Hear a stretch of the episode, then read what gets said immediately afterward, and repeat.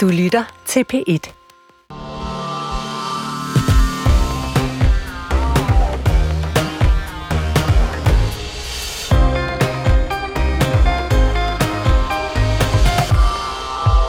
En række af landets mest erfarne kirurger og læger kræver nu et opgør med kraftpatienters rettigheder. De kræver mere specifikt et opgør med det, der hedder de maksimale ventetider for kraftpatienter.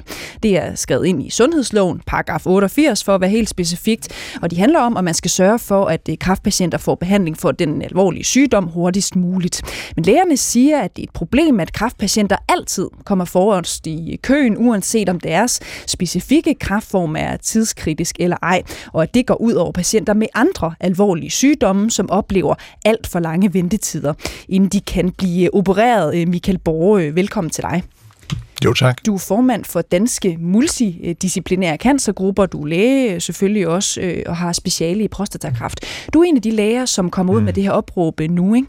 Du siger, og det sagde du til mig i går, da vi talte sammen, du mener sådan set, at omkring 25-30 procent af alle kræftpatienter i princippet ikke behøvede at blive opereret inden for de her 14 dage, som man jo typisk øh, pejler efter. Hvad er det for kræftpatienter, man taler om her, der ikke er så akutte, som vi danskere måske øh, går og tror? Jamen, det, kræft er ikke blot kræft. Og, og, og man kan også sige, selv inden for de kræftformer, hvor det går typisk langsomt, så vil der være nogen, som, hvor det går hurtigt for os, så det, der skal, man kan ikke dele det så firkantet op. Men der er grupper som prostatakræft hos mænd, der er brystcancer hos kvinder, og så er der også tygtarmscancer, som, øh, som ikke behøver den der fart. Og der er flere der hører til den kategori, og så er der nogle andre, som, hvor det ikke kan gå stærkt nok. Mm. Æh, kan du ikke være bange for, nu er I ude med det her øh, opråb, du siger også, det er sådan set en frustration, mange læger nok har haft øh, længe, man har ligesom fundet sig i det, nu kan, vi, nu kan I simpelthen ikke øh, finde jer i den her øh, ufleksibilitet øh, øh, længere. Kan du ikke være bange for, at hvis man fjerner øh, den her patientrettighed, at så går det helt i skud og mod? Jamen, jeg tænker slet ikke på, at man skal fjerne rettigheder, og øh, de skal bare være meningsfulde. Og det, øh, man startede ud med, da man lavede kræftpakkerne, var for at sikre, at det nu kunne blive til en, en succes. Så lavede man en, en helt firkantet form, hvor i alt skulle passe. Mm.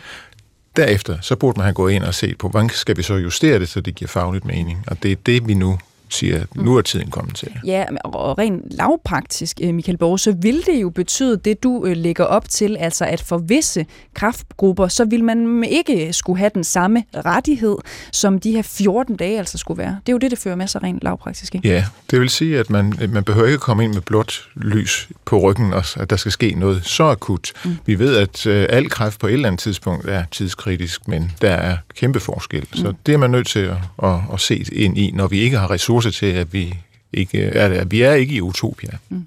Det er dagens øh, P1-debat. Skal man ændre i kraftpatienters rettigheder og sløjfe kravet om behandlingsgaranti for nogle specifikke kraftpatienter? Fylder kraft simpelthen for meget i forhold til andre alvorlige sygdomme i Danmark? Og hvad er løsningen på de lange ventetider for operationer for ikke-kraftpatienter i det offentlige? Du kan ringe ind og blande dig i, i dagens debat 70 21 19 19. Det er nummeret ind til os her i studiet.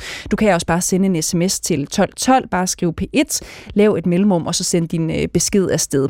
Jeg vil gerne spørge dig, der lytter med derude. Har du selv haft øh, kraft inde på livet? Det kan enten være som patient eller som pårørende. Det kan også være, at du er en af dem, der er ramt af en anden alvorlig sygdom, som vi måske overhovedet ikke taler lige så meget om, som vi altså taler om øh, kraften. 70 21 19 19, det er telefonnummeret hen til. Du kan også bare sende en sms til øh, 1212. Mit navn det er Cecilie Lange, og det her det er P1 Debat. Ja, Michael Borge, altså i, i sundhedsloven, der står der jo sort på hvidt, at øh, der for eksempel må gå maksimalt øh, 14 kalenderdage fra sygehuset øh, modtager en henvisning øh, til ens udredning, så skal starte. Det, det står også, at der maksimalt gå 14 kalenderdage fra din udredning er afsluttet til din behandling så starter. Øh, hvilke patienter er det, det går ud over? at I som læger ikke har en større selvbestemmelse, kan man sige, i forhold til, hvem der skal forrest i køen? Uha, jeg synes, vi starter lidt bagfra, men det, men, øh, men det er rigtigt, der er patienter, der kommer i klemme, og det er fortalt ganske fint af andre i, i dagene op til det her. Der er patienter, som, øh, som ikke har, har de samme rettigheder, og øh, som må se, at, at, at loven holdes og derfor øh, i bedste, øh, på bedste vis, og derfor øh, bliver man skubbet til side af, af nogen, som i virkeligheden ikke nødvendigvis trænger lige så hårdt som den patient, som ikke får budet. Mm.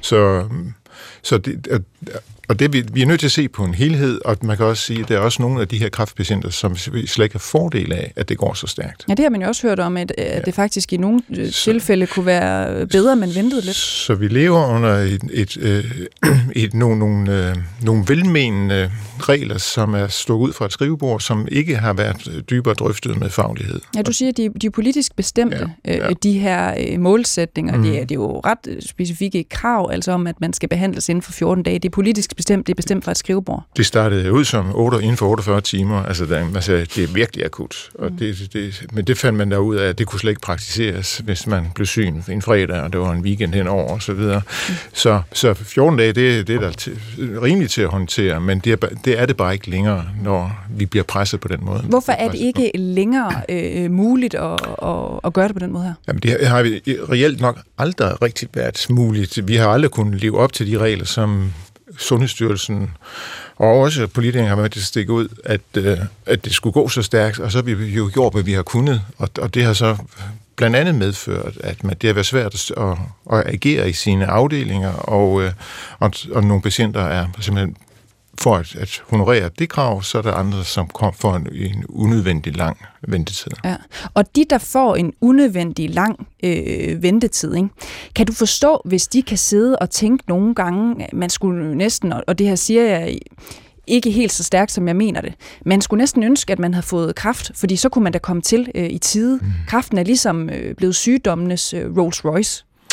Ja, det, det, det er muligt, at, øh, at man kan sige det, at nogen vil tænke sådan. Men jeg tænker, jeg synes også, at jeg nu bliver spurgt, og jeg kommer langt til en interview, inden jeg får lov til at sige det, jeg egentlig gerne vil have indledt med. Hvad, hvad, hvad vil du egentlig gerne Jeg vil gerne indlede med at sige, at, at, jeg faktisk øh, jeg har siddet som formand for de, de her grupper i mange år, og jeg har været med til at, at lave de her kræftpakkeforløb, og jeg er mega stolt. Jeg er mega stolt over det, vi har opnået på kræftområdet. Og vi kigger ind i en kræftplan 5, hvor vi skal give den endnu mere gas. Og det er slet ikke fordi, at kræftpatienterne ikke skal have det, de skal. Og de skal, de skal bare ikke have alt det, øh, man kan sige, det skal, ikke, det skal gå lige så hurtigt, som det skal, men ikke lige så hurtigt, som det kan. Mm. Øh, og, og, og kræftpakkerne bliver også ligesom billedet på al succes. Vi har haft stor succes, men vi har altså også øh, lavet de her cancergrupper. Vi har lavet specialisering i sygehusvæsenet, hvor man før opererede øh, en form for kræft på 54 forskellige små sygehuse. Nu er det fire centre. Vi øh, har optimeret behandlingen og så der, der, og så har vi MDT-konferencer. Så der er mange ting, der har gjort, at det her det er virkelig blevet en succes.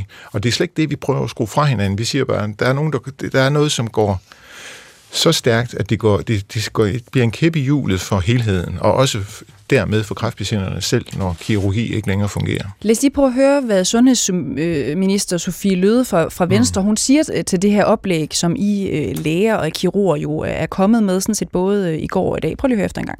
Det er helt afgørende for mig som sundhedsminister, at landets kræftpatienter og deres pårørende har sikkerhed og vidshed for, at man kan få hurtig hjælp og behandling. Og derfor er jeg selvfølgelig heller ikke klar til at bare hælde øh, kræftpatienternes rettigheder ud med badevandet. Ja, det er altså reaktionen øh, politisk på, på det øh, opråb, som I kommer med. Ja. Hvad siger du til det? Jamen, det ved jeg ikke, hvorfor Sofie Løde tror, at vi vil hælde noget ud med badevandet. Eller, jeg mener bare, jeg har argumenteret lige siden vi satte de første tider på de her kraftpakkeforløb, at jeg forstod ikke, at det skulle være fuldstændig udifferentieret, og det er blevet så har man argumenteret for, jamen så ellers kan vi ikke måle på det. Og jeg mener, det at måle på noget, det er ikke vigtigere, end det, det er fagligt rigtigt, det vi gør. Nej. Men altså, så har vi håbet på, at ved kræftplan 4, så kunne vi få en justering, et service eftersyn, som jeg kaldte det, men der er blevet blokeret for det hver eneste gang. Og det er lidt ærgerligt, at vi ikke langt tidligere bare, bare havde fået justeret det her, i stedet for at vi nu får det fortalt op, som om vi prøver at ødelægge kræftbehandling. Det er slet ikke det, der er okay. tilfældet. Øh, Mette Thiesen, velkommen til dig. Tusind tak skal du er sundhedsordfører, det er du selvfølgelig for, for Dansk Socialistiske øh, Folkeparti. Ja. Mette Thiesen, hvad siger du til det her øh, opråb, som jo også kommer fra en række læger og kirurger? Det handler jo, ja, Michael Borg her i studiet kalder det et service eftersyn, men det vil jo også betyde i hvert fald en ændring øh, i visse patientrettigheder for en del af, af cancerpatienterne øh, i Danmark. Hvad siger du til det? Jamen altså, øh det er, ikke, det er ikke tit, det sker, men jeg vil sådan set være, øh, stille mig enig med, øh, med det, sundhedsministeren øh, siger. Jeg synes jo, vi har på kraftområdet øh, noget, som, øh, nu vil jeg så sige, øh, der, der har også været en del skandaler og ting, der bestemt heller ikke er godt nok, eksempelvis i, i Region Midtjylland. Men generelt set har vi jo skabt noget på kraftområdet, som jeg synes, vi skal kigge øh, mere til. Altså de her patientrettigheder, øh, at man kan komme hurtigt til, for det skaber også en enorm stor tryghed. Øhm, og det synes jeg jo hellere, at vi skal udbrede til flere områder. Altså i Dansk Folkeparti, der er vi meget optaget af, at man i langt højere grad bruger den kapacitet, man har også i det private. Øh, og, og vi så jo for ikke så længe siden, øh, og det er jo generelt bredt også, men at, øh, at det private bød ind med, øh, med over 80 specialer, øh, hvor det kun var, jeg tror det var omkring 13 af dem, der blev, øh, der blev godkendt øh, altså af, af, hvad skal man sige, sundhedsmyndighederne. Og det skriger jo til himlen. Øh, så lad os nu få udnyttet den her kapacitet. Lad os lade pengene følge den enkelte, en til en fra dag nummer et, øh, og lad patienterne få den rigtige behandling, øh, ja. uanset om det er det offentlige eller det private. Ja, og det er jo en øh, øh, løsning. Øh, men nu kan jeg ikke lade være med at tænke på, om du ikke lige øh, vil forholde dig med det, Tisen, til det det her øh, konkrete forslag, som altså kommer fra en række øh, læger og, og kirurger, de siger, at det er simpelthen usmart. Vi kunne gøre det øh, bedre, både for kræftpatienter og også for patienter med alle mulige andre sygdomme. Altså hvis man fik fleksibiliteten til ikke nødvendigvis at, at behandle en, øh, en patient med øh, brystkræft, kunne det være inden for de her 14 dage. Jamen altså, jeg er bare nødt til at sige igen, at når vi ser skandaler som den, vi så i Region Midt eksempelvis, når vi har set gentagende skandaler på, på det her område, så synes jeg bestemt ikke, at det er et tidspunkt, hvor vi skal begynde at forringe danskernes patientrettigheder. Tværtimod. Jeg vil hellere sige, at vi skal have øh, ordentlige patientrettigheder på alle områder og sikre, at danskerne kan komme til, øh, når de er syge. Vi bor i landet med verdens højeste skattetryk. Vores sundhedsvæsen øh, er ikke øh, verdens bedste. Lad os da gøre det til verdens bedste.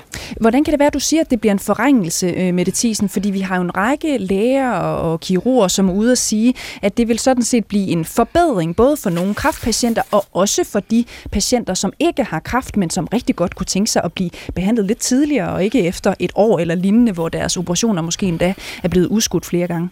Jamen, jeg kan godt forstå, at, øh, at der er nogle fagpersoner, øh, der går ud og siger, at man gerne i langt højere grad selv vil vurdere fra sag til sag. Jeg har bare en generel bekymring øh, for danskerne, hvis man slækker på de her patientrettigheder, øh, fordi det er en ekstremt vigtig rettighed, at man ved, man skal komme til inden for kort tid. Grunden til, at der er så lange ventelister, det er jo blandt andet, at man ikke udnytter den kapacitet, der også er i det private. Så lad os da i stedet for sige, nu udnytter vi den kapacitet, nu lader vi danskerne øh, hvad skal man sige, komme til øh, langt hurtigere. Vi går væk fra det her A- og B-hold, som vi har i dag, fordi rigtig mange danskere også tegner en privat sundhedsforsikring. Lad os lade pengene følge den enkelte en til en fra dag nummer et, øh, og, og gøre alle andre områder også langt bedre, mm. i stedet for at slikke på kræftbehandlingen. Men Thyssen, kunne man ikke sige, at der i dag er et A- og et B-hold inden for øh, sundhedsvæsenet, blandt andet fordi, at kræftpatienter kommer foran i køen, selvom de ikke engang behøver at være det rent klinisk og lægefagligt? Der er et A- og et B-hold, øh, fordi at, øh, at der er for lange ventetider på alle mulige andre områder, og det er det, jeg siger, lad os forbedre det, i stedet for at forringe det for kræftpatienterne. Okay. Hvor mange penge har du til det? Jamen altså, vi er i gang med at lave vores øh, sundhedsudspil, øh, hvor vi netop øh, har det her punkt omkring øh, at øh, lade pengene følge den enkelte en til en.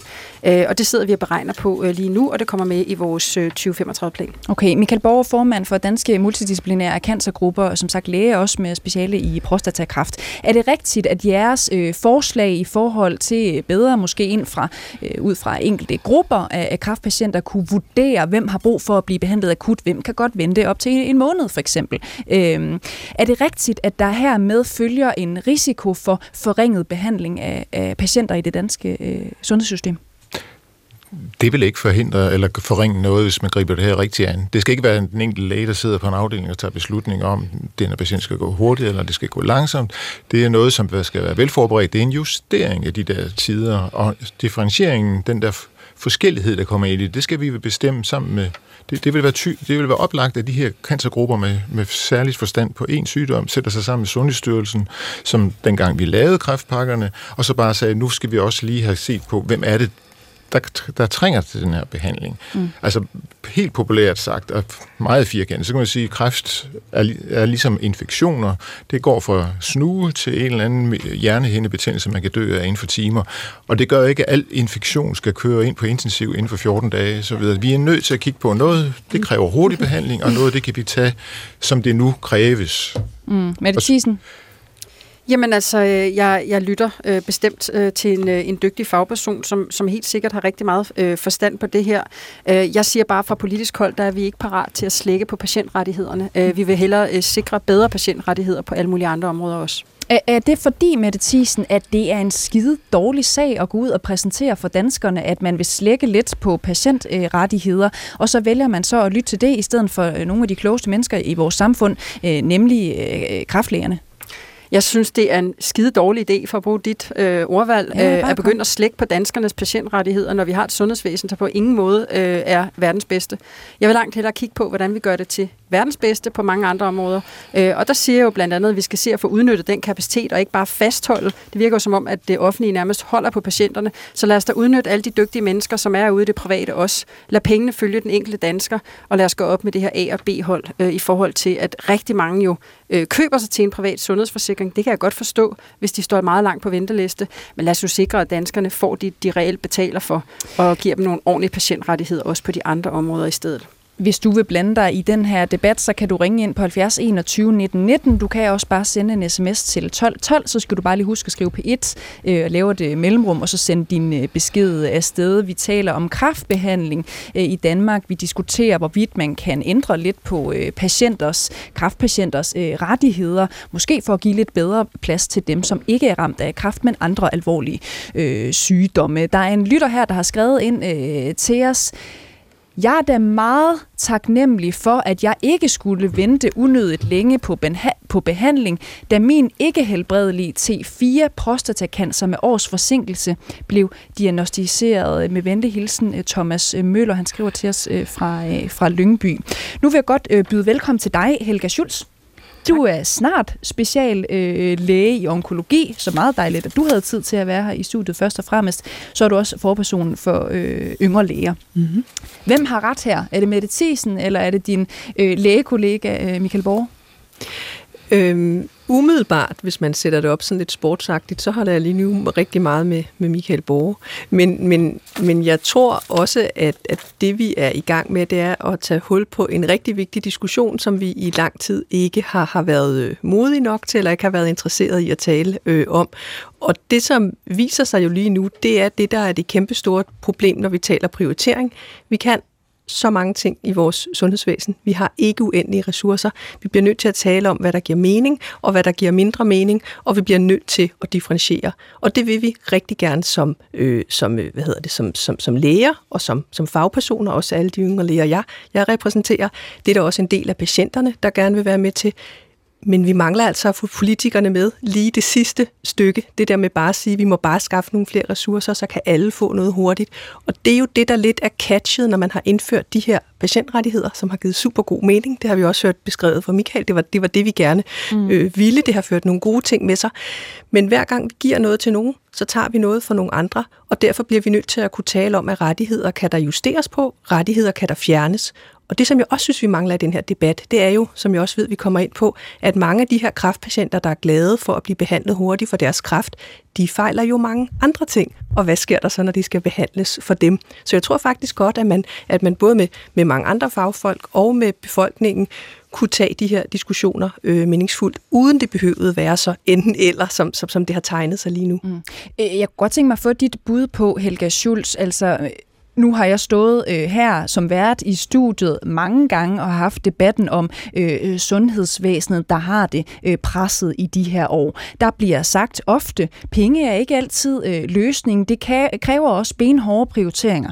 Nu kommer øh, lægestanden, kirurgerne øh, osv., som er det her opråb, de siger, vi vil sådan set rigtig gerne øh, øh, prioritere, vi vil rigtig gerne have friheden til at prioritere. Og så er øh, svaret sådan her fra sundhedsministeren, nu spiller jeg det lige igen, ikke? Det er helt afgørende for mig som sundhedsminister, at landets kræftpatienter og deres pårørende har sikkerhed og vidshed for, at man kan få hurtig hjælp og behandling. Og derfor er jeg selvfølgelig heller ikke klar til at bare hælde øh, kræftpatienternes rettigheder ud med badevandet. Ja, der bliver sagt, at det opråb, I kommer med, det har ingen gang på jord. I hvert fald, hvis man spørger, spørger øh, sundhedsministeren. Ikke? Hvad tænker du om det? Jeg synes simpelthen ikke, at hun, hun svarer øh, rimeligt på det, der bliver foreslået. Der er ikke nogen, der har foreslået at hælde alle patientrettigheder ned ad brættet, eller at kraftpatienter ikke skal være sikre på at få god udredning og behandling. De kirurger, der kommer og foreslår det her, det er dem, der står med de enkelte patienter hver dag. De står med dem, der har kraft, som ikke var farlig, som godt kunne vente, og så står de 10 minutter efter med en patient, som ikke har kraft, men har en svær invaliderende tilstand, som kunne løses ved en operation. Det kan være, at man er svært inkontinent og derfor nærmest bundet til hjemmet og ikke kan komme ud, og de kan, man kan ikke blive opereret, fordi der er nogen med, kræftata, eller, undskyld, med prostatakræft, som ikke er farlige, der skal opereres. Og når de læger siger, vi vil gerne bruge vores ressourcer anderledes, så er jeg svært ved at forstå, at man ikke lytter, for når man siger, at man prioriterer kræftpatienter meget, meget højt, hvad der giver mening, så er man også nødt til at tage alvorligt, altså nedprioriterer man noget andet. Når jeg sidder i mit ambulatorie og ser patienter, der så har fået diagnostiseret kræft og skal have kemoterapi eller få strålebehandling, hvis de bliver deprimeret, og de er så syge, så jeg ikke kan hjælpe dem, eller deres egen læge ikke kan hjælpe dem, så er det rigtig svært at få dem hen til en psykiater, fordi det har vi ikke prioriteret. Så vi bliver nødt til at åbne øjnene for, at når vi prioriterer noget, så er der noget andet, vi ikke gør. 70 21 19 19, det er telefonnummeret herind til øh, studiet, hvis du vil blande dig i den her debat. Og det har Birte Røn Hornbæk valgt at gøre. Velkommen til dig, Birte Røn. Ja, tak skal du have. Hvad er dit indspark til øh, debatten, vi har i dag, Birte? Det er, at jeg meget gerne vil takke de kræftlæger, der nu tør tage den diskussion op. Det er også på tide. Altså, jeg er jo opdraget med, at jeg er 80 år, at, øh, at det var en dødsdom, og kræft, det var kræft. Men sådan er det jo slet ikke mere. Det er jo mere nuancerede behandlingsformer, blevet bedre osv. osv. Og derfor vil jeg sige til sundhedsministeren, det er en fuldstændig forkvaklet debat at sætte lighedstegn mellem rettighed og hurtighed. Hvis lægerne virkelig har den faglige indsigt, der gør, at de siger til mig, hvad du er for Hornbæk, Øh, du skal lige tage et par kilo, du skal lige komme i lidt bedre form, du skal lige vende dig til tanken. Tror du ikke, vi skulle vente en måned, så er, så er chancen for, at du overlever operationen større. Det er det, vi skal fokusere på. Vi skal ændre rettigheden om hurtighed til rettigheden til den bedste behandling. Mm. Og tak til lægerne. Ja, og, og Birte Røn Hornbæk, nu synes jeg jo godt, jeg kan tillade mig at, at spørge dig ind til det politiske også, ikke? for det virker jo ikke til, at man politisk er særlig interesseret øh, i at gå ud og ændre på de her rettigheder. Det er måske heller ikke en særlig øh, populær sag at fremføre over for, for danskerne, som jo er rigtig bange for kræft. Det er en meget farlig sygdom. Der dør 16.000 af det om året, ikke? Jo, og der er mange flere, der bliver helbredt, end da min mand døde, og da min mormor døde. Øh, altså, øh, jeg synes, det vil være velgørende at få en diskussion om, at ikke enhver kræftdiagnose er en dødsdom. Fordi øh, det trænger vi til at få en nuanceret debat med. Det tør folketingsmedlemmer jo sjældent. Så skal man jo have mod og mandshjerte og hår på brystet, og dem er der jo ikke så mange af mere derinde. Øh, Birte Røn Hornbæk, tusind tak, fordi du ringede ind til os. Du er velkommen til at hænge med på, på linjen, og så ja. kan du bare lige pipe lidt, hvis du har mere at, at, at bidrage øh, med. Ikke? Og så vil jeg egentlig bare sparke den, øh, dit gode indspark direkte øh, videre til Rosa Eriksen, socialordfører fra øh, Moderaterne, som også er med os på en, en linje, øh, Rosa Eriksen. Nu har du lige øh, lyttet lidt til øh, Birte Røn øh, Hornbæk, tidligere minister for, for Venstre. Ikke? Øh, hun siger jo, at øh, ja, mellem linjerne, måske også mere direkte end det, at de er lidt nogle bangebukse, ja, som øh, sidder inde på Christiansborg, som er, er, er folkevalgte på det her område. Er det rigtigt, synes du? Jeg synes i hvert fald, at vi skal tale om, hvor karikeret vi taler om det her. Øhm, jeg er jo egentlig enig med, med Mette Thiesen i, at vi ikke skal fjerne behandling. Vi skal ikke slække på, på behandling. Men det, man kan se i den her kraftplan 5 fra... Men det er der jo ingen, Rosa Eriksen, undskyld, lige afbryder, det er der ingen, der foreslår. Man foreslår, nej, nej, at man skal men... gå ind og, og modificere lidt i de her øh, retningslinjer, øh, de her rettigheder, sådan at dem, der ikke har brug for hurtig behandling, de kan få en lidt langsommere behandling. Hvad er der vejen med det? Og, og hvis jeg må tale færdig, så er det netop det, jeg skulle til at sige, at jeg sidder med Kraftplan 5 og ser, og der er jo nogle fagpersoner, der ligesom foreslår, at vi har de her kraftpakker, men måske skal vi tale om, hvilken farve har de, hvilket bånd har vi på dem, så det kommer både vores sundhedsvæsen, men aller, aller vigtigst vores patienter til gavn, så de får lige præcis den aller, allerbedste behandling i forhold til deres behov. Øh, Rosa Eriksen, du er sygeplejerske også, ikke? Ja. Og, og derfor øh, ved du selvfølgelig også øh, øh, lidt om det her.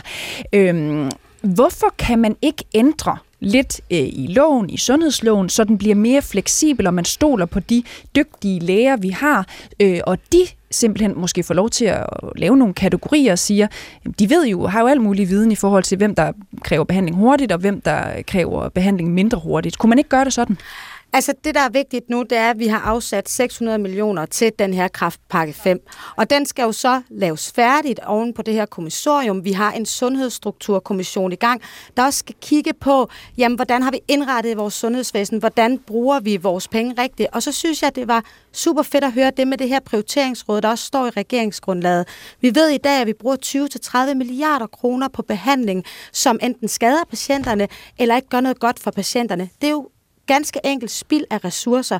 Så selvfølgelig skal vi have den her samtale, men der er mange ting i gang, så jeg kan ikke stå og sige nu, jamen selvfølgelig skal vi, skal vi fjerne øh, behandlingsgarantien, eller kun beholde udredningsgarantien. Det vil jeg aldrig gøre, for det vigtigste er selvfølgelig patienternes øh, sikkerhed, når de får en kraftdiagnose. Okay, jeg læser lige en sms op øh, her, mm. som vi har fået ind i studiet. Øh, det er en lytter her, som skriver, øh, jeg har selv haft testikelkræft, som praktisk talt ingen dør af længere, men alene sygdommens mytologiske effekt på mig og mine omgivelser betød, at behandlingsgarantien var afgørende for hele familiens velbefindende. Jeg ved faktisk ikke, hvor hurtigt voksne min øh, cancer var, men hvis andre ikke-kraftpatienter havde større somatisk behov for behandling, skulle de naturligvis have været foran mig i køen.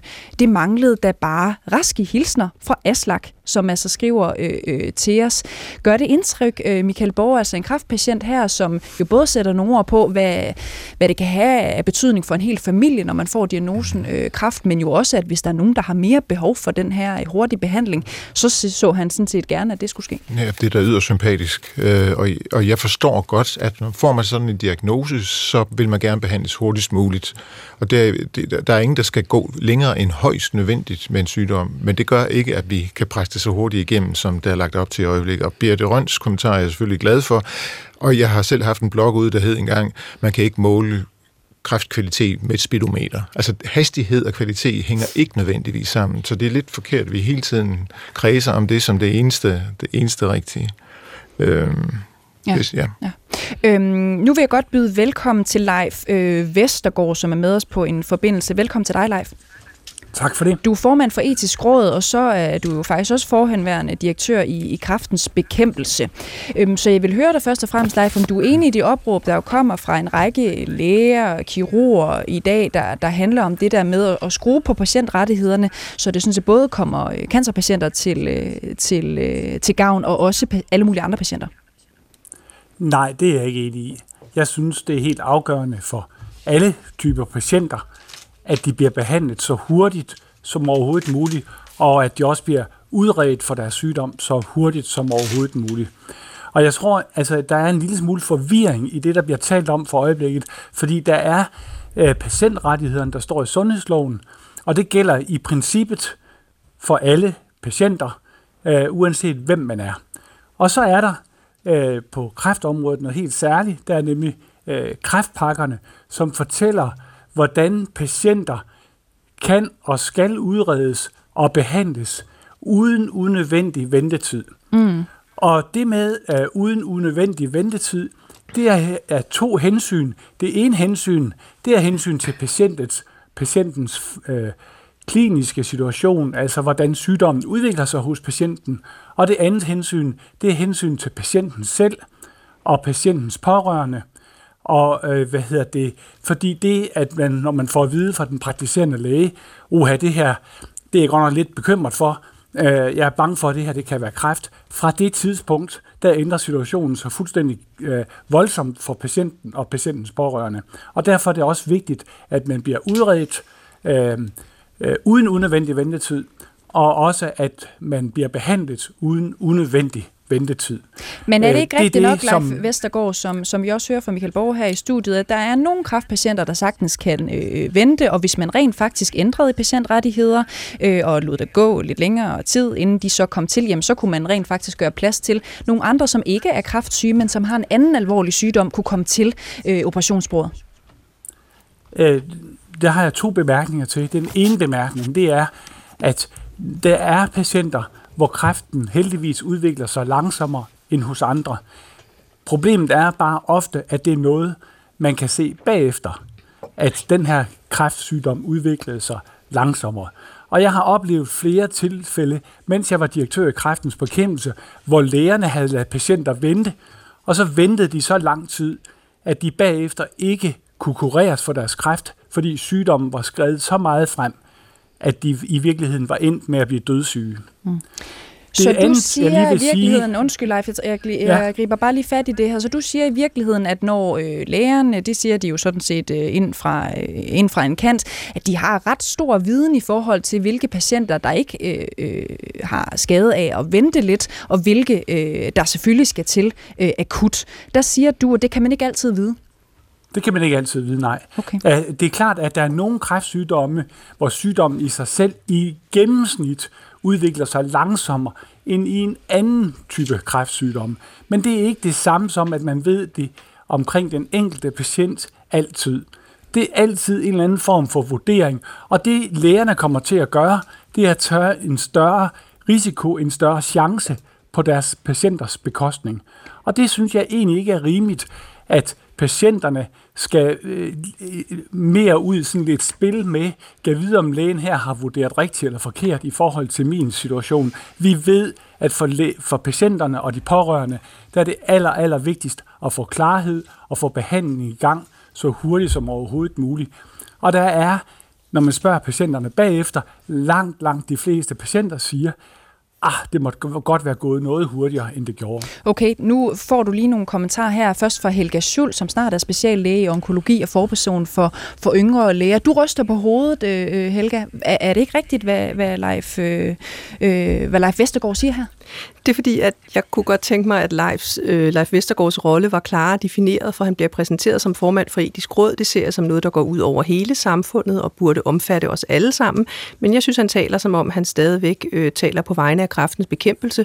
Og jeg kan godt forstå patientorganisationer, som repræsenterer en enkel gruppe, de siger, vi vil have det bedste for vores medlemmer. Så kan man diskutere, når meget store patientgrupper øh, har så meget magt og trækker så mange ressourcer, kunne man så have en forventning om, at de måske også kunne se lidt ud over deres egen patientgruppe og være med til at tage noget mere. Det er lige før, man kan kalde det samfundsansvar for nogle af de andre. Øh, og så synes jeg faktisk, at, at, at det, er, det er mangel på, på, på respekt for det forslag, der er kommet fra nogle kirurger, som siger, vi ved godt, hvad vi laver, vi har viden nok til at sige, hvem der kan vente, og vi kigger på alle de syge mennesker i det her samfund, ikke kun dem med kraft. Og det synes jeg ikke, der er respekt for i det, som, i det, som Leif øh, Vestergaard siger. Nej, og, og nu taler du, har du ret i, Leif Vestergaard jo også ud fra den erfaring, han har øh, kvæg i sit øh, tidligere job som direktør i, i kraftens bekæmpelse. Så når han siger, I kan ikke afvise, at der vil ske fejl, øh, kraft er en øh, rigtig, rigtig lumsk størrelse. Der vil kunne være tilfælde, hvor hvis de her rettigheder, de frafalder, jamen, så kan der være øh, øh nogle øh, patienter, som sådan set passer inden for en, en kategori, som alligevel ender med at, at dø på, på ventelisten. Det kan I vel ikke afvise, så er hans bekymring ikke fair nok? Det er da fuldstændig rigtigt, at du kan altid finde enkelte patienter, hvor de retningslinjer, du har lavet, som gælder for alle patienterne, og som prøver at tage hensyn til sundheds, øh, sundhedsvæsenet samlet set. Der vil være nogen, som de ikke lige passede på. Nu bliver der sammenlignet før med infektionssygdomme. Vi tror, vi ved, hvad for en infektion folk har, så giver vi dem de antibiotika, mm. vi troede, de skulle have. Så gik det galt, for lige i det tilfælde, der var det ikke det rigtige. Så der er ingen tvivl om, at du kan, kan finde mange, eller ikke mange, du kan finde enkelt patienter, som Leif, Leif Vestergaard trækker op her, øh, som vil sige, derfor kan I ikke tillade jer at lave de der ændringer. Men det er altså ikke sådan, vi driver sundhedsvæsenet sundhedsvæsenet ud for enkelt øh, patienter. Nej, og, og Leif Vestergaard, jeg vil godt lige spørge dig, når du hører her øh, fra Helga Schulz, øh, altså er det rigtigt, at hvis man på en eller anden måde, du, nu er du godt nok forhenværende direktør i kraftens bekæmpelse, at man generelt måske, hvis man har øh, sympati for den øh, organisation, så kan man have lidt svært ved at, at se ud over egen næsetip og tage ansvar for alle mulige andre patientgrupper? Nej, det synes jeg ikke. Og det, det er jo også der, hvor jeg som øh, formand for det etiske råd også skal øh, se på perspektivet for, for alle mulige andre øh, typer patienter. Og, og det, det, det vil jeg også gerne, og det er der, jeg faktisk gerne vil stille det spørgsmål øh, til, til Helga Schulz og sådan set også til Michael Borger. Fordi hvis man nu sagde, at alle kræftpatienter kom til at vente en måned længere, hvordan bliver der så mere kapacitet til at tage sig af andre patienter? Fordi alle patienterne, alle kræftpatienterne skal jo behandles alligevel. Så hvordan kan det være? Altså, jeg er meget svært ved at forstå logikken i forslaget, at hvis der er, som vi lader patienter vente noget længere, så bliver der mere kapacitet til at tage sig af andre typer patienter. Okay, Det, lad os bare som- lige få svar på det, øh, Leif Vestergaard. Ja. Det får du lov til, Ja. Mhm. Michael Borg, formand for Danske Multi- Multidisciplinære Cancergrupper. Ja, det vil jeg da gerne svare på. Altså man kan sige, med det tryk, der er på i øjeblikket, og de krav, der skal honoreres, så kan man overhovedet ikke øh, navigere i sin egen afdeling. Jeg har, der, både jeg og andre kollegaer har beskrevet, hvordan timer næsten kan gøre, at man er nødt til at flytte rundt på ting, og så bliver det weekend, og så er det et rigtig uheldigt tidspunkt at blive opereret på, og så og så videre, og så videre. Så det, så, så det at, en, at en leder af en afdeling skal kunne navigere i det her, det bliver fuldstændig øh, afsporet af, at noget skal gå så stærkt, at, Ja. at man ikke kan sige, at det her det venter til på fredag, fordi så kan vi gøre det og det. Mm. Så, så det vil give en helt anderledes balance i en, i en afdeling. Ja, og Helga Schultz, også dit bud øh, på det, altså hvi- hvi- hvis, man, øh, hvis I får det, som I vil have det, ikke? at der er nogle patientgrupper, som skal vente længere, hvordan konkret giver det mere plads på ventelisten til folk, som for eksempel er kronisk øh, syge, eller har andre øh, sygdomme, nyresygdomme, eller et eller andet, som ikke er øh, kraftrelateret? Nu er jeg jo ikke kirurg, men sådan som jeg har forstået det, sådan helt lavpraktisk, og det kan være, at det kan også kan hjælpe nogle af de andre, der ikke er kirurger, det er, hvis man siger, at man kan operere øh, seks patienter øh, hver dag, hvis de så passer ind i et pakkeforløb, hvor der ingen fleksibilitet er, så, så, så, så, så vil du sige til vi så en i går, der havde en stomi, der ikke kunne få den fjernet, der havde ventet i halvandet år, så kunne du i det scenarie, vi kunne ønske os, kunne du sige til en af patienterne med kræft, der egentlig stod til at skulle blive opereret, vi er ikke bange for, at det udvikler sig for dig. Du kan sagtens vente en uge, og så kunne man invitere en mand ind og få omlagt sin øh, stomi, i stedet for, at, at, at patient nummer 6 den dag også var en kræftpatient. Okay. Leif Vestergaard, øh, formand for etisk råd, det giver vel meget god mening? Nej, Nå. det synes jeg egentlig ikke. Fordi det Helga Schulz fortæller her, det er, at så får vi behandlet den der patient med stomi, men så har vi jo ingen plads til kræftpatienten. Altså, hvad hedder det? Hvis vi i dag ikke behandler stomipatienter, og de venter halvanden år, det, og det synes jeg under alle omstændigheder er kritisabelt og, og for galt, men så, så er der jo ikke plads til, hvis man tager en kræftpatient ud, så bliver der jo ikke en ledig plads til den kræftpatient på et senere tidspunkt, for der er ingen pladser. Og det er det, der er det grundlæggende problem. I stedet for at tale om, at det er patientrettighederne, der er det grundlæggende problem, så er det grundlæggende problem, at vi er presset kapacitetsmæssigt. Øh, Og det er det, vi skal have gjort noget ved. Er det ikke et problem, øh, øh, Leif Vestergaard, nu spørger jeg dig også som formand for, for etisk råd, ikke? er det ikke et problem, hvis øh, cancerpatienter øh, partout øh, kommer foran i køen? det, det, er, det, det, det er et problem, hvis der ikke er nogen gode faglige og hvad, øh, faglige argumenter for det. Og, og det er der jo. Altså, vi skal huske, at der er gode faglige argumenter for, at kræftpatienter skal behandles hurtigt. Der er også gode faglige argumenter for, at hjertepatienter skal behandles hurtigt. Og derfor har vi øh, en række situationer, hvor der er gode faglige argumenter for, at patienterne skal behandles og udredes uden mm. unødvendig ventetid. Godt. Og så har vi oven i det øh, patientrettighederne, som vi jo har talt lidt om, og som nogle gange bliver blandet ind i det her. Mm. Men det er to forskellige ting, det vil jeg bare gøre opmærksom på. Øh, nu synes jeg, vi skal byde velkommen til Ulla Thomsen. Velkommen til dig, Ulla. Du er tid, apropos det, som Leif Vestergaard bringer på banen her, du synes, at både tidligere øh, kræftpatient øh, og hjertepatient, så er du i øvrigt også øh, vinder af Alene i Vildmarken. Måske er der mange, der, der kender dig øh, øh, derfra. Ikke? Du har oplevet på egen krop, hvor hurtigt behandling man kan få, øh, når man er involveret i kræftområdet, og hvor langsomt det kan gå, hvis man har en, øh, en anden sygdom. Ikke? Du har faktisk oplevet at sige nej tak til en kræftoperation, øh, fordi det gik så stærkt, du simpelthen ikke øh, var klar. Kræften gik så øh, på mirakuløs øh, vis i sig selv, øh, men der var så slet ikke det samme tempo, da du fik problemer med dit hjerte. Vil du ikke lige prøve at forklare, hvad, hvad der skete? Jo, jeg vil godt lige starte med øh, kræft. Øh, jeg kom i øh, kræftpakke, da jeg fik konstateret forstadier til livmorkræft. Og øh, der læste jeg lynhurtigt på, et forstadie til livmorkræft, så har man altså mange stadier før, at, øh, og lang tid før, at det her det, øh, bliver meget kritisk. Så jeg havde to årsager til, at øh, jeg gerne øh, ville udskyde operation. Og det ene var, at øh, hvis jeg skal snittes i underlivet, så vil jeg være sikker på at, at træne øh, bunden af underlivet, de muller, der ligger dernede, for at have fat i, godt fat i dem, før at, øh, at jeg stod med et smertefuldt øh, underliv. For at mindske for mig selv, mindske de øh, funktionelle øh, gener, der kunne være bagefter, og for samfundet kan man sige også for at mindske risikoen for genoperationer og øh, følgevirkninger. Den anden årsag til, at jeg ønskede at, at udskyde beslutningen om, om operation eller ej, det var, at øh, min øh, kraft eller forstadier til kraft var resultat af en fejlbehandling med hormoner, og jeg ville gerne, ligesom jeg havde den arrogante holdning, at øh, det egentlig ikke hørte til hos mig. Okay. At øh, det var noget, som egentlig var fremmed for min krop, okay. og som jeg godt kunne håndtere, hvis at øh, jeg fik rettet op på den øh, hormonubalance. Mm. Du har, hvis vi også bare lige øh, øh, skider, fordi du fik jo tilbudt behandling øh, meget øh, hurtigt, og også hurtigere, end du ligesom havde lyst til i forbindelse med dit kraftforløb, så bliver du øh, øh ramt af hjerteproblemer øh, ja. lidt, lidt senere. Der er ikke samme tempo.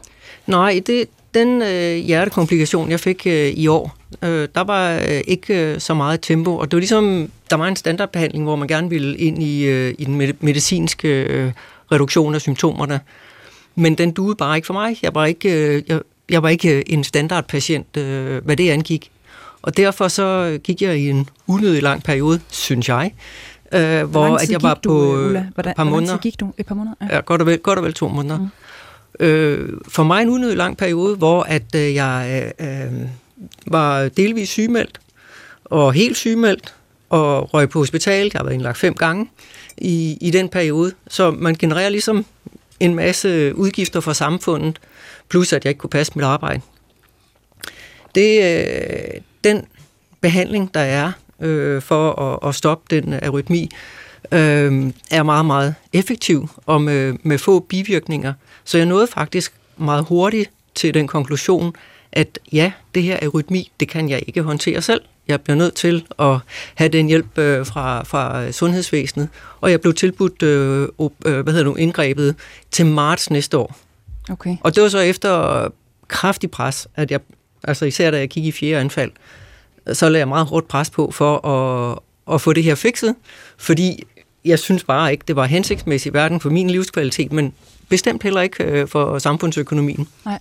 Og jeg synes, det, det er jo ret øh, skønt, at du står og, og, og taler om samfundsøkonomien, for jeg tænker da også, det må have været rigtig hårdt for dig øh, personligt, Ulla.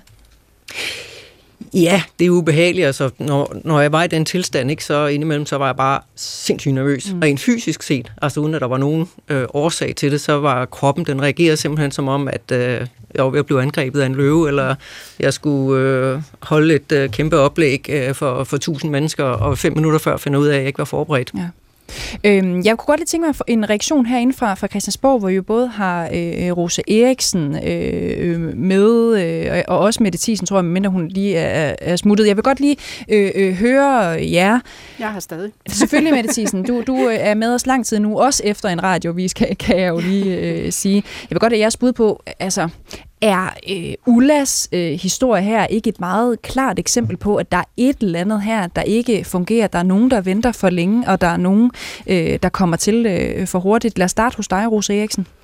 Jamen, øh, altså, Ullas historie, den, den, den, den, den kender jeg, øh, og jeg kender den jo også fra min egen krop. Øh, jeg står også i kø til en operation lige nu, og fordi jeg ikke har kræft, så har jeg ventet i snart et år. Øh, så jeg kender det godt, og det er jo derfor, vi politisk har valgt at sige, at der er noget galt i vores sundhedsvæsen. Der er måske også noget galt med måden, vi har indrettet os på, og derfor har vi sat nogle vanvittige kompetente mennesker til at lave et bud på, jamen, hvordan kan en ny sundhedsstruktur se ud?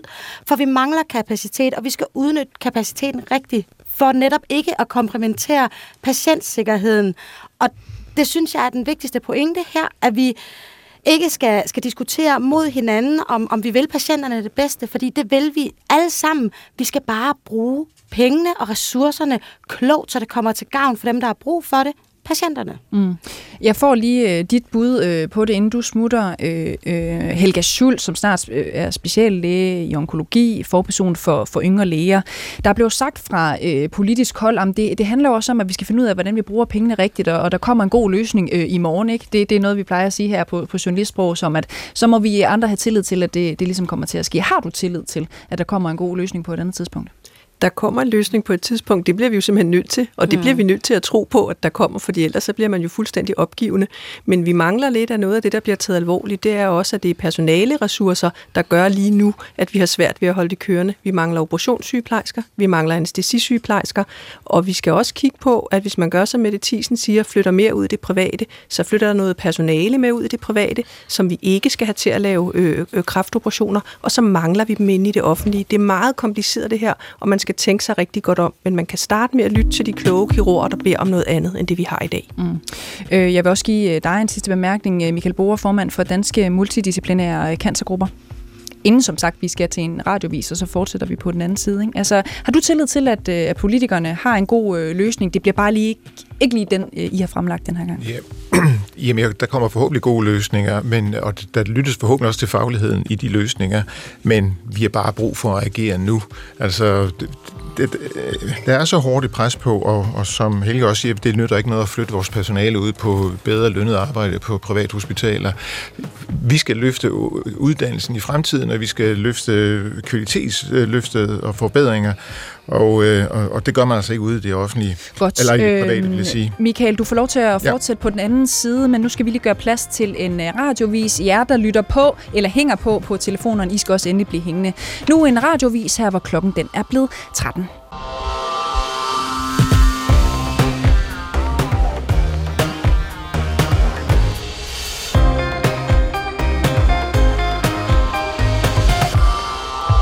En række af landets mest erfarne kirurger og kraftlæger tager nu bladet fra munden og kræver et opgør med kraftpatienters rettigheder. De kræver mere specifikt et opgør med de maksimale ventetider, som det hedder for kraftpatienter, der er skrevet ind i sundhedsloven, og som skal sørge for, at kraftpatienter får øh, behandling for den alvorlige sygdom hurtigst muligt. Lægerne siger, at kraftpatienter altid kommer forrest øh, i køen, uanset om deres kraftform sådan set er tidskritisk øh, og akut eller ej. Og det selvfølgelig går ud over patienter med andre alvorlige alvorlige sygdomme, som oplever, at øh, alt for lange ventetider, det er virkeligheden, inden de kan komme øh, til at blive opereret.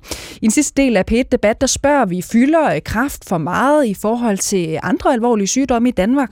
Er kraften simpelthen sygdommens Rolls Royce, og er det overhovedet fair, at en patients sygdom bliver prioriteret over andre? Du skal være velkommen til at ringe ind og blande dig her i, i debatten på P1 70 21 19 19 eller sms til 12 12, så skal du bare lige huske at skrive øh, P1 og lave et mellemrum, og så sende din besked afsted. Jeg vil meget gerne øh, spørge efter, om der sidder nogen øh, på linjen, som har haft kraft tæt inde øh, på livet, så ring endelig ind til jeres. Mit navn det er Cecilie Lange, og det her det er sidste del af P1 Debat. Jeg tror, jeg vil starte med at byde velkommen til Laura, som har ringet ind øh, til os. Velkommen til dig, Laura Lindblad. Tak skal du have. Det er noget med, at du har øh, noget på hjerte, når det kommer til den her øh, diskussion om, om, om kraft i Danmark, hvor meget det fylder osv.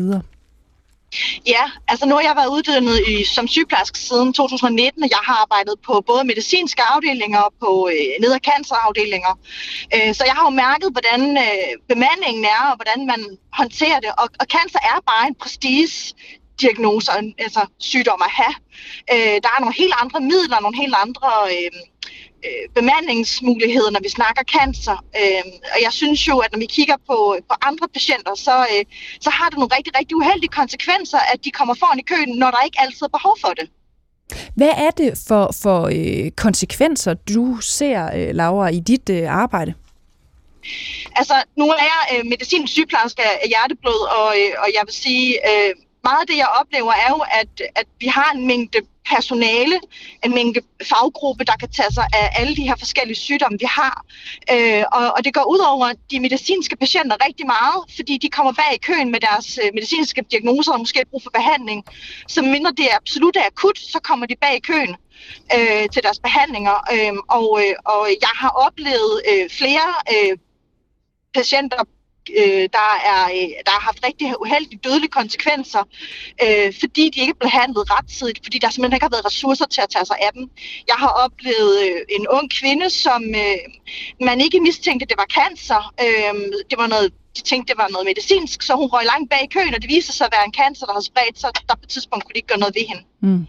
Øhm, så jeg har oplevet flere situationer, hvor, hvor fordi det ikke er en, en, en selvlysende cancerdiagnose, jamen så bliver det ikke behandlet rettidigt og mm. har rigtig uheldige konsekvenser. Æ, Laura Lindblad, jeg lagde mærke til, at du sagde det der med, at det er som om, at cancer har en, stær- en særlig prestige, en særlig status i, i samfundet. Har vi simpelthen brug for øh, et opgør med det? Måske også, man, man taler om, at, at cancer er ikke lige med, øh, med døden. Der kan være andre sygdomme, der er mindst øh, lige så øh, alvorlige omvendt med, med kraftdiagnoser. Der kan være nogen, som, øh, som man jo sagtens kan kureres for, så man ikke behøver at stå aller, aller øverst på, øh, på operationslisten. Det synes jeg da absolut.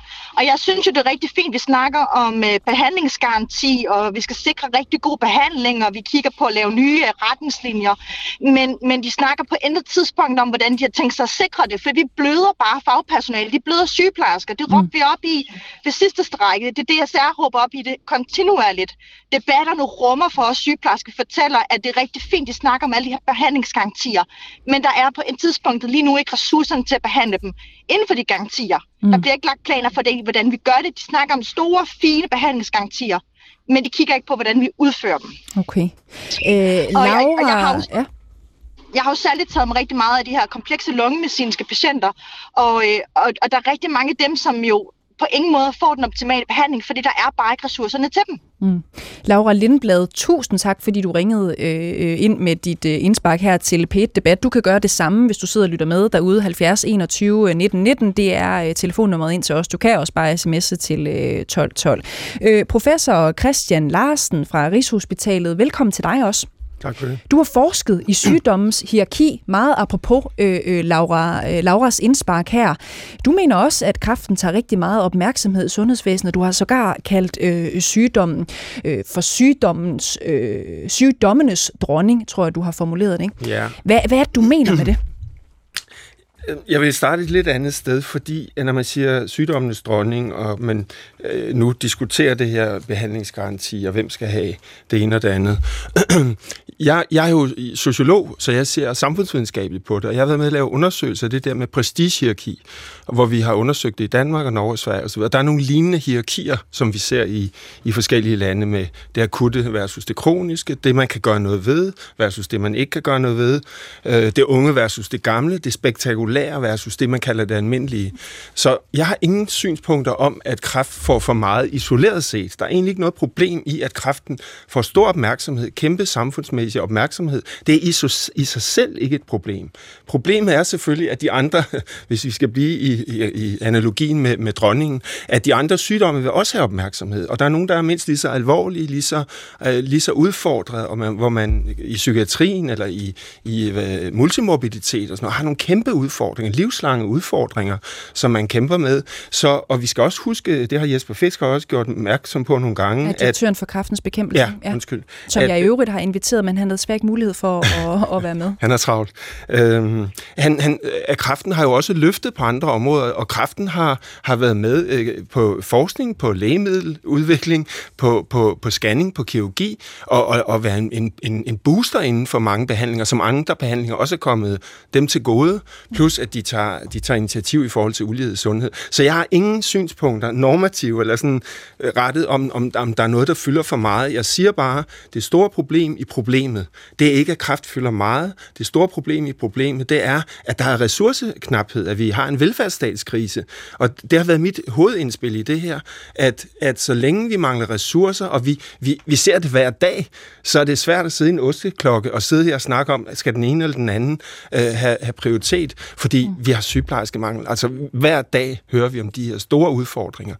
The Nordic Welfare Crisis. Mm. Øh, Ja. Og, og bare lige for at skære det helt øh, ud i, i par, for jeg synes, det er ret interessant, den, den forskning, du har været med til at, at lave, øh, Christian Larsen.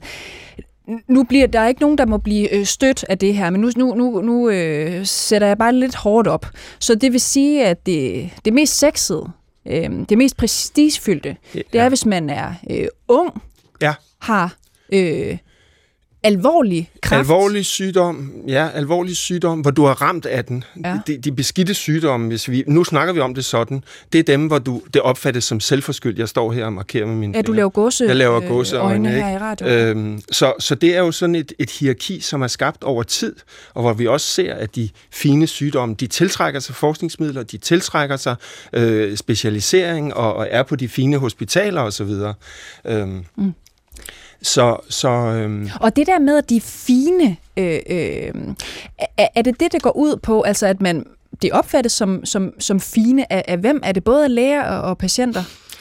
De studier, vi har lavet øh, i forlængelse af Dark Album studier for 20 år siden i Oslo i Norge, og som er lavet ret mange af. Vi har lavet det med 600 informanter, læger og sygeplejersker ja. og, og sådan noget, og studerende, om hvordan de oplevede det. Øhm, så det, det er et indefra perspektiv. Det, man, man spørger konkret, øh, ikke hvordan er dit speciale, men man spørger, hvordan tror du de andre tænker om et antal specialer og, og, og kirurgiske og medicinske områder, psykiatrien. Mm. Øh, Lad os lige tale lidt om kraftens øh, øh, bekæmpelse. Øh, det anses jo for at være måske den mest magtfulde patientforening herhjemme med sine mere end 400.000 øh, medlemmer. Det er jo ikke andet end et par uger siden, at øh, det var flere dages kraftkampagne på, på TV2, ja. øh, ligesom blev afsluttet med det her kæmpestore tv-show Knæk Cancer. Ja. Øh, det er jo bedste øh, øh sendetid. 113 millioner kroner over faktisk blev der, blev der samlet ind til kraftsagen.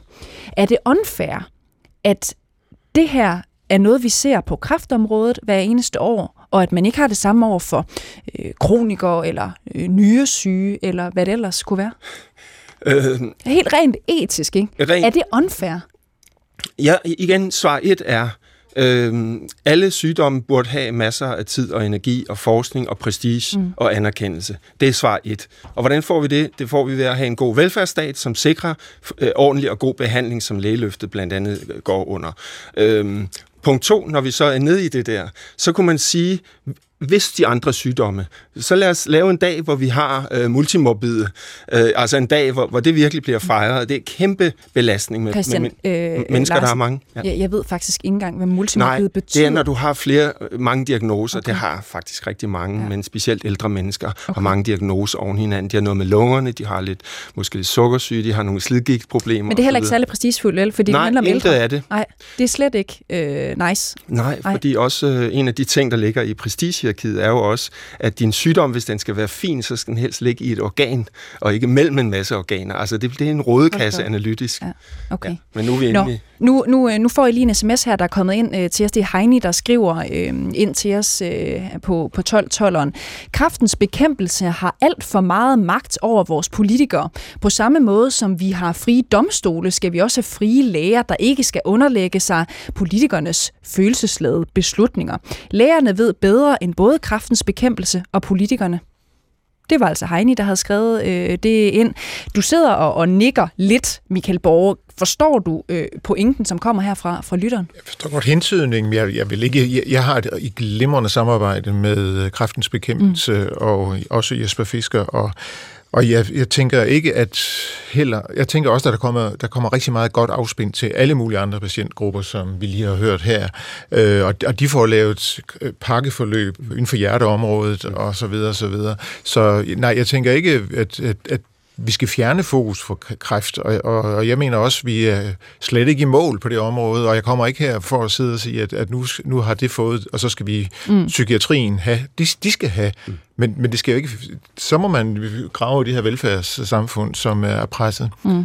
Øh, så jeg tænker ikke... Jeg, jeg, sidder ikke jeg sidder ikke og tænker, at det er et problem i sig selv. Jeg ved, at der er stor politisk indflydelse, men jeg, jeg må jo gå ud fra, at den forvaltes, øh, forvaltes korrekt. Men når man så kigger på det, øh, hvad skal man sige, det opråb, I selv øh, mm. Øh, kommer med, Michael, der jo handler om, kunne man ikke sige, at det ikke skulle være så øh, super politisk bestemt med den her tidsfrist, for eksempel? Er det et eksempel på, at, at man også fra lægers side har brug for mere frihed, mindre øh, følelsesladet, politisk, øh, populistisk indblanding? Ja, så jeg tænker personligt, at både kraftens bekæmpelse og også det politiske hold vil stå bedre, hvis de lyttede lidt til os, og, og ikke stod fast i fuldstændig øh, uden nogen måde at ville imødekomme os på. Øh, jeg synes, det her det taler ind i, at vi, skal, vi er nødt til at have en dialog og, og, og få justeret, så vi får mest for vores penge, og stadigvæk sikre, at alle, kræftbehandl- alle kræftpatienter får præcis det, de har behov for. Mm. Okay, Leif Vestergaard, du er fortsat øh, med os her på en øh, linje. Jeg vil også lige have dig til at forholde dig til den, øh, til den sms, der er kommet ind til os. Altså den, der lyder, at kraftens bekæmpelse har fået alt for meget magt over vores øh, politikere. Hvad siger du til det? Jamen, det øh, synes jeg egentlig ikke er rigtigt. Øh, det er klart, at kræftens bekæmpelse har indflydelse, øh, og det har alle patientforeninger i Danmark. Øh, og jeg er sådan set også enig i, at øh, et af vores øh, udfordringer, det er øh, at få varetaget øh, de svageste patienters interesser. Øh, og det synes jeg faktisk, at vores politikere har gjort blandt andet ved at sikre en generel ret til øh, udredning og til behandling. Og det er jo det i virkeligheden Michael Borger øh, øh, lidt anfægter, om man skal have sådan en generel øh, udrednings- og behandlingsret. Men når man har den, er det jo netop for, at det ikke er nogen bestemte patientgrupper, der skal vinde, øh, vinde det hele, men at alle skal have ret til det, og sådan at vi også sikrer, at de svageste patienter kommer til til, tid, i, i, til tiden. Men hvis jeg bare lige må spørge ind til, hvad, hvad du mener, Leif øh, Vestergaard, så hvis vi kigger på de her maksimale ventetider for kraft, så står det jo meget, altså sort på hvidt paragraf øh, 88, der må gå maksimalt 14 kalenderdage for, for sygehuset modtager henvisning til din øh, undersøgelse eller udredning øh, starter, og der må gå maksimalt 14 kalenderdage fra din undersøgelse eller udredning er afsluttet, og du har takket ja til tilbud om behandling, øh, og til din behandling så starter. Det er jo den øh, særlige rettighed, vi taler om på kraftområdet, og hvor Michael Borg så siger, den er ikke hensigtsmæssig. Du, øh, Michael Borg, nu kigger på, at du kan få lov til at uddybe lige om lidt. Du ønsker i, i virkeligheden, at der kommer nogle forskellige spor, hvor man kan opdele øh, øh, kraftdiagnoser i de her forskellige spor. Du skal nok få lov til at uddybe lige om lidt. Hvad, hvad skulle der være i, i vejen for det, øh, øh Leif Vestergaard? Jamen, altså, det er jo heller ikke noget sådan teknisk i vejen for at gøre det, men, men det er jo lidt det samme, at vi har nogle universelle patientrettigheder, som jo også er sådan nogen, der er fastsat efter et hensyn til patienterne, hvor det ikke altid alene er kliniske hensyn, der spiller ind. Og sådan, må det, og sådan er det også øh, på, på kræftområdet øh, og på hjerteområdet og andre områder, hvor det er sådan, at, at det er alvorlig sygdom, og hvor det er sådan, tid er en faktor, og hvor, hvor den faktor spiller rigtig meget ind på den tryghed og den ro, der er hos såvel patienten som de pårørende. Ja, Michael Borger, vil du ikke svare på det? Du er læge speciale øh, i prostatakræft. Jo, der, jeg er nødt til at sige, at der er kæmpe forskel på, hvor hurtigt de her sygdomme udvikler sig. Jeg har selv været opponent på et, et, et øh, studie eller et, øh, en afhandling i Norge, hvor man kunne vise, at om man opererede et år efter diagnose, det gjorde ikke nogen forskel, hvis man gjorde det i tre måneder eller et år efter. Og det gør ikke, at vi skal vente et år på noget som helst. Fordi jeg ved godt, at det er et, det er et psykisk pres, men altså, vi er nødt til at tænke ind, hvordan er det, vi behandler vores patienter mest fornuftigt, og det er ikke ved at mølle dem igennem så hurtigt, så patienterne dårligt nok selv kan følge med, når det ikke er nødvendigt. Vi er nødt til at se på, hvad er behovet. Mm. Øhm, De der men, spor... Ja, undskyld, Leif ja. Vestergaard, bare kom. Ja, det, det, altså, øh, og det er jo sådan set helt øh, enig i. Det eneste, jeg stadigvæk mangler, det er forklaringen på, hvorfor det hjælper at lade ventetiden stige. Hvem er det, det hjælper for? Ja, altså Michael Borger fortalte tidligere, at, at det, er jo, det er jo svært at være ledende overlæge, fordi der er simpelthen så mange ting, man skal have til at klappe og få til at hænge sammen. Men det kan man inden for en lang række specialer og på en lang række afdelinger få det til at klappe og hænge sammen. Det er ikke sådan, at det er nemt, men det er også svært at være øh, leder i, i et sundhedsvæsen, og sådan, det, det kan vi ikke lave om på. Men hvorfor er det, at det hjælper nogen, at nogen kommer til at vente længere? Der bliver ikke mere kapacitet af det, og det er kapacitet, lærerne af gode grunde øh, råber på. Og, og, men det skaber vi jo ikke ved at kræftpatienter kommer til at vente længere. Ja, der det, bliver ikke mere kapacitet. Det siger du, Leif Vestergaard. Lad os prøve at få dit svar, Men Jeg mener stadigvæk, at man kan udnytte en kapacitet bedre, hvis man har et råderum og en fleksibilitet, som ikke, som ikke er skrevet i granit, at det skal køre på en måde. Øh, så ja, det, det, kan det for eksempel være, undskyld, hvis ja. jeg spørger dumt, hvis man har større fleksibilitet, hvis alle ikke skal øh, på operationsbordet inden for 14 dage, øh, så kan man finde flere huller i kalenderen til øh, øh, patienter, der ikke er syge. Er det sådan, det skal forstås? Ja, Okay. Det ville være, at man kan udnytte den kapacitet, man har bedre. Altså, og så... Det er bare svært at forstå, Michael. Jeg synes fordi... faktisk ikke, det er svært, øh, Leif. Hvad, hvad er det, du forstår? Jo, jo, men det er, altså, det Michael siger, det øh, Michael Borger siger nu, det er, eller sagde, det er, at alle vores operationstider er fyldt af kræftpatienter. Øh, når, de, når de er fyldt af kræftpatienter i altid, så bliver der jo ikke nogen huller ved, at vi udskyder nogen. Så kommer de jo bare øh, til, at, øh, til at stå, stå og banke på noget senere. Hvis vi tager dem ud af, af programmet i dag, så kommer de bare ind og står og banker på i næste uge, og der er jo ingen huller. Michael, der, Michael Borg? Der opereres heldigvis andet end kræft. Og en, noget af det, vi opererer, det er så akut fordi at det har ligget for længe. Det skulle have været gjort håndteret elektivt eller planmæssigt, men nu bliver det til en større akut operation, som så igen kan måske fylde to kræftoperationspladser. Så, så det, vi, det vil give bedre muligheder at udnytte kapaciteten, hvis man ikke sidder i alt for stram, en unødvendig stram øh, trøje. Ja. Okay, lad os lige prøve at blive velkommen til øh, en lytter, der har ringet ind til os. Det er øh, Bo, som har øh, ringet. Øh, Bo øh, Lillesø. Velkommen til dig, Bo. Ja, goddag og velkommen, eller tusind tak. jo, jeg har haft halskræft her i vinter. Jeg er blevet rask, mm. øh, og det er jeg meget taknemmelig for. Min det er vi glade for at høre, Bo. Ja, det er vi rigtig glade for at høre. Ja, ikke? Og øh, jeg har så til gengæld skrevet en bog øh, om behandlingen. Den hedder Kræft, Trit og Retning. Og den har jeg gjort for at mildne forløbet for andre, der har kræft. Og prøv at lægge mærke til titlen Kræft, Trit og Retning. Det betyder jo, at vi bliver nødt til at gøre, som lægerne siger. Jeg har et godt eksempel. Jeg har to venner, havde, har, øh, der havde spiserørskræft begge to. Den ene kom for sent til behandling og er død. Den anden blev reddet og er en af mine aller, aller bedste venner nu, og vi kan også sågar gå ud og spise lidt. Han må kun spise bare meget små portioner. Hvis jeg skal svare på debatten, så må jeg sige, at det må først og fremmest være lægerne, der skal diskutere det her færdigt. Mm. Øh, for vi er nødt til at prioritere, men det skal være ud fra det maksime, at ingen må dø unødvendigt. Det må være det vigtigste. Og det er jo, det er jo svært at være læge i den situation. Men, men det, vi bliver nødt til at støtte os mere til lægerne end til politikerne. Okay, Bo, det var jo et, øh, en meget klar øh, opfordring, som jeg, jeg tænker ikke kan undgå andet øh, end at, end at kaste i retning af dig, øh, Rosa Eriksen, øh, socialordfører for, for Moderaterne. Har Bo en pointe her, man skulle tage lige præcis på det her område? det kan du måske også ikke genkende til som, som sygeplejerske, simpelthen at lytte noget mere på, på lægerne, på fagpersonalet, end på politikerne? Altså, jeg vil til dels give ret. Altså, selvfølgelig øh, er det lægerne, der, øh, der skal beslutte kraftbehandling. Det skal jeg overhovedet ikke gå ind i, og jeg synes, det er en meget, meget interessant faglig diskussion, der faktisk kører lige nu. Det, vi netop kan gøre, det er, som, som vi også gør, nedsætte et prioriteringsråd, øh, lave en, en kraftpakke med Sundhedsstyrelsen, som kommer med anbefalinger til, hvordan skal rammerne være, og dem skal vi selvfølgelig lytte til.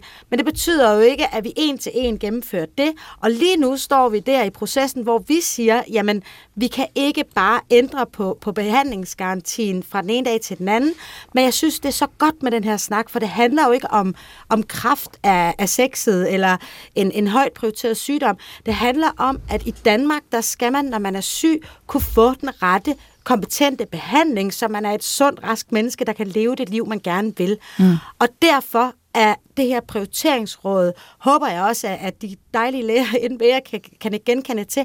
Det er helt vildt vigtigt, og jeg er simpelthen så stolt af, at, at Moderaterne har fået det med ind i regeringsgrundlaget, fordi det er det, der skal til. Det er, hvordan vi har indrettet vores sundhedsvæsen.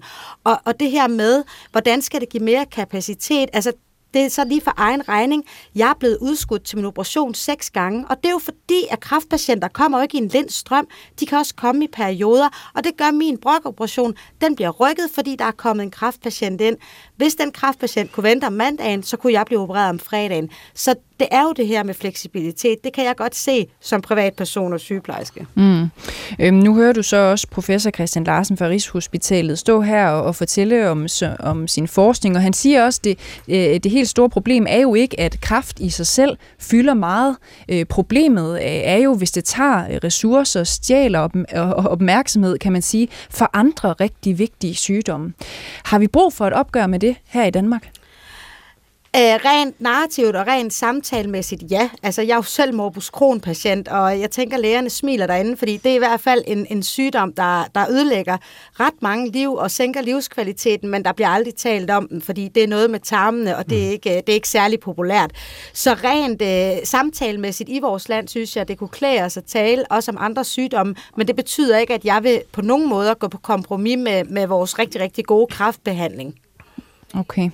Øh, men, men Rose Eriksen, kan du forstå, hvis der er nogen, der, der synes, at det kan være lidt øh, provokerende måske endda, at du som politiker øh, gerne vil tale rigtig meget om det her, når vi egentlig har brug for handling nu, som vi også hører fra, fra Michael Borg, øh, formand for Danske Multidisciplinære Cancergrupper?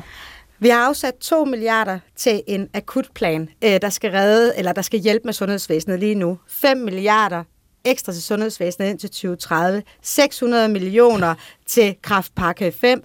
Vi har skrevet i regeringsgrundlaget, at vi skal have et nationalt prioriteringsråd, og vi har nedsat en sundhedsstrukturkommission. Jeg synes faktisk, at, det, at vi gør det, og vi skynder os langsomt for at gøre det aller, allerbedste for vores sundhedsvæsen. Okay, Michael Borg, øh, er du enig i det?